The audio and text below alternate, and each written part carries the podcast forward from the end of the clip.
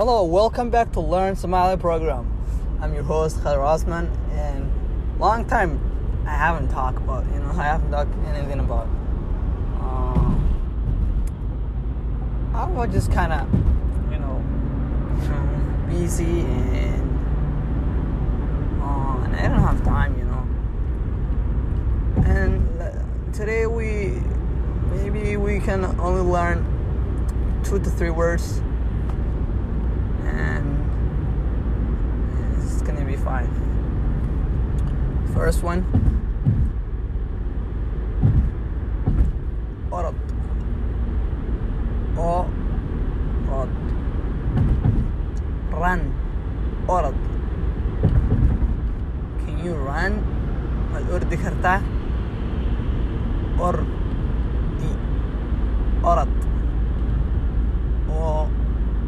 orad orad number two.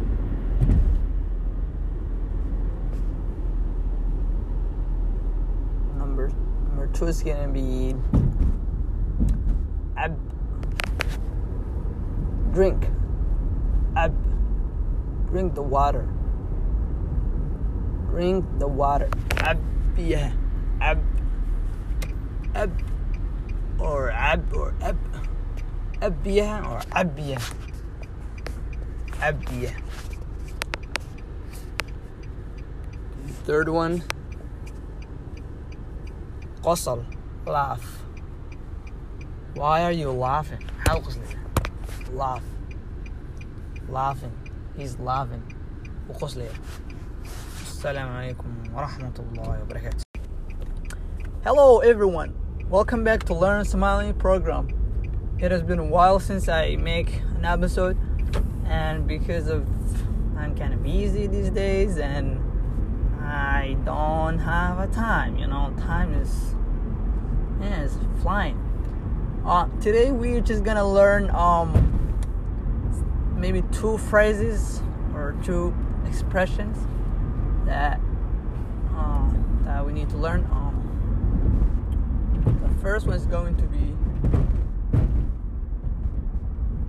you know, if you're if you go to um Somali restaurant and you wanna order, let's say um rice with meat, you know, and then but you don't know what how do you say the rice and the meat in Somali.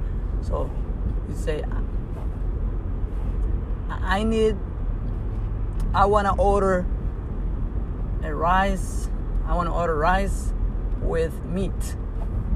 Waxaan rabaa inaan dalbado bariis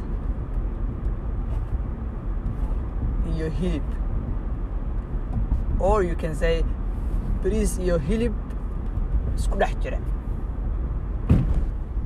either one is gonna work. I need I, I want to order rice with rice with meat. Waxaan rabaa dalbado waxaan iyo hilib or bariis iyo hilib the second one is if you're in, in the restaurant and uh, of course a lot of times it takes it takes time to prepare this you know meal for us. So they they're gonna tell you to wait right? Wait and take a seat. That, that's what they would say. Oo fadhiiso sug oo fadhiiso sug means wait sug fadhiiso means seat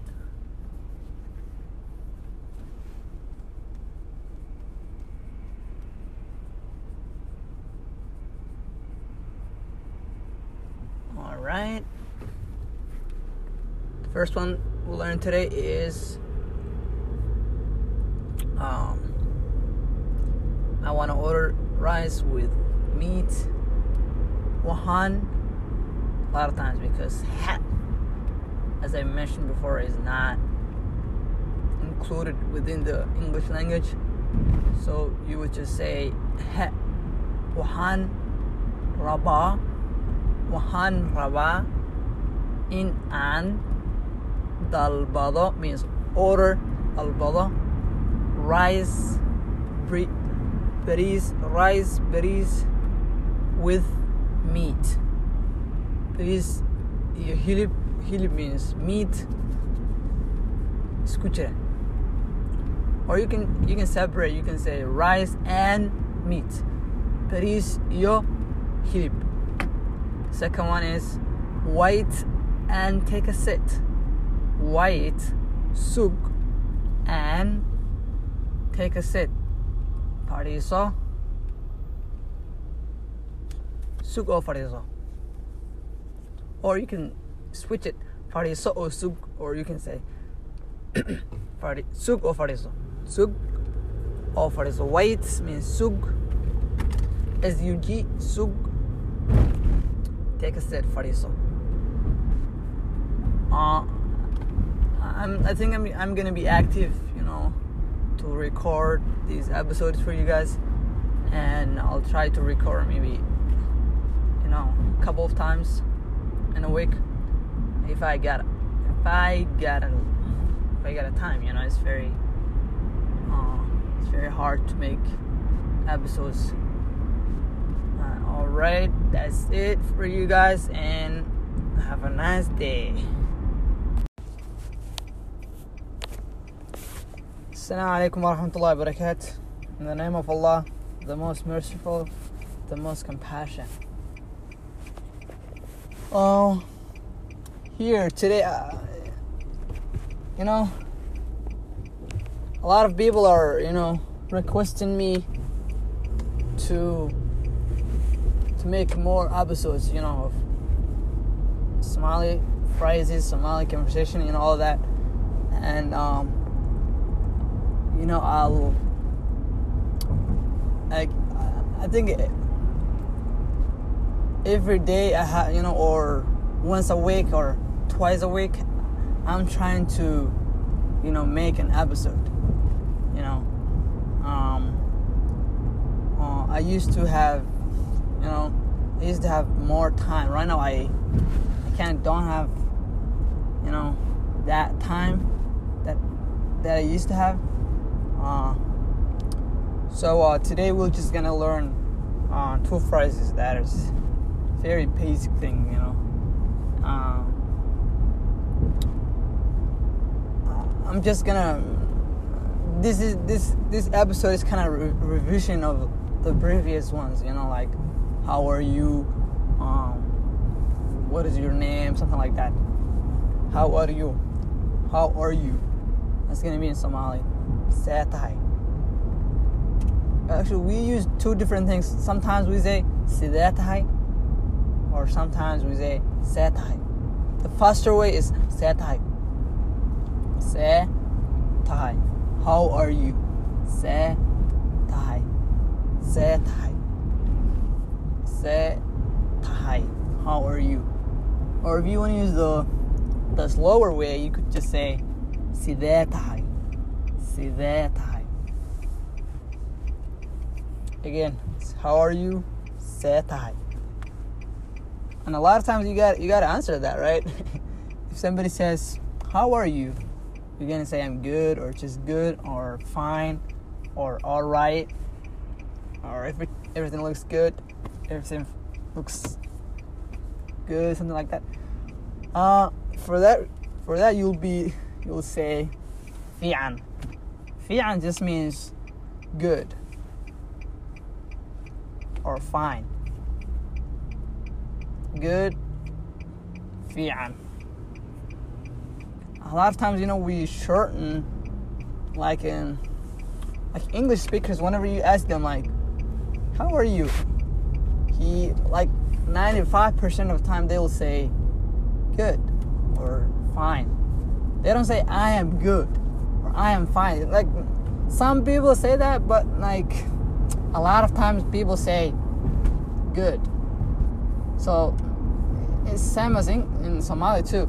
Um, fiican waan fiicanahay you could say waan fiicanahay means I'm happy I'm good. You know waan fiicanahay I'm good. Um, but if you wanna if you just wanna be faster you can just say fiican good. Um, uh, there is also a, a word that is pretty close to you know good. And it is in Somali we say one accent but we we don't use you know a lot of times we don't use when somebody asks us how are you? We don't say one one accent. You could say that but like it's very rare you know no, a lot of people would say uh, fian but they won't they won't use one egg something like that one egg it, it still means good but it, we use it in a different context you know in a different way. Uh, but you would you would just say fian. How are you? Setai fian. Good. Or I'm good on fianai. I'm fine on fianai. Uh, the second one is you're when somebody tells you you know somebody asks you how are you? And then you say I'm fine you you want to know what their name is right? You'll be like what is your name? Somali would be it's gonna be maga'a. Again we have two different things here. You, we still use maga'a but there's another way of doing it. You, you could say wa mahai maga'ago. That that's the longer way you know that's the longer that's the longest the longer phrase. But if you just say maga'a it's it it it is same as what is your name? Maga'a. But we kind of shorten it you know we make it small you know shorten it. Maga'a. Uh, first one we get how are you? Setahai or sidetahai second i'm fine. I'm good or i'm fine. Fi'an or fi'anai then the second one is what is your name? What is your name? Maga'a or wa mahai maga'aw i suggest you to use you know maga'a. It's very it's very you know easy to say that you know maga'a. All right. That is it. That's it today and then i wish you the best.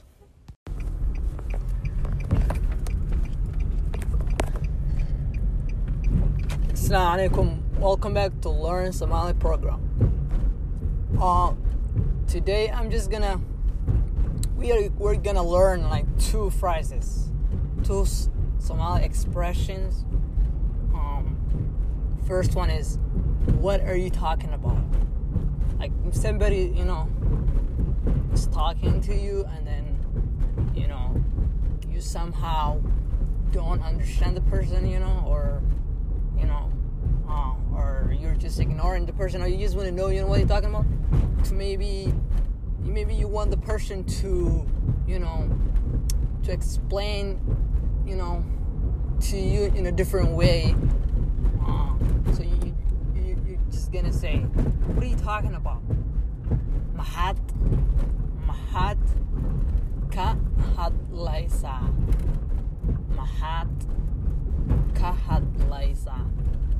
what are you talking about?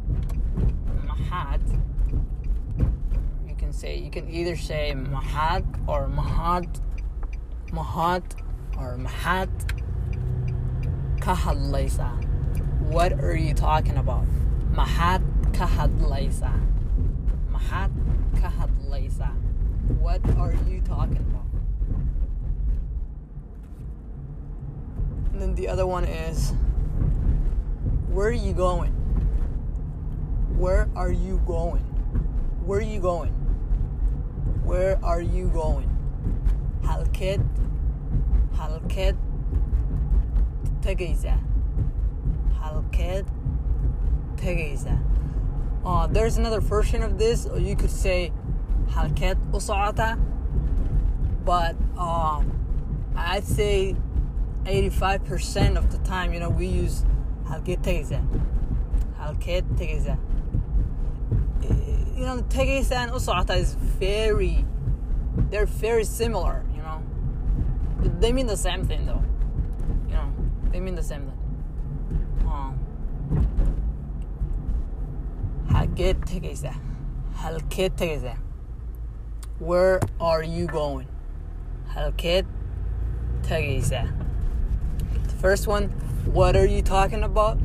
Maxaad maxaad or maxaad ka hadlaysaa maxaad ka hadlaysaa maxaad ka hadlaysaa what are you talking about? The second one where are you going? Where are you going? Where are you going? Where are you going? Halkeed halkeed means where halkeed tegaysaa halkeed tegaysaa halkeed tegaysaa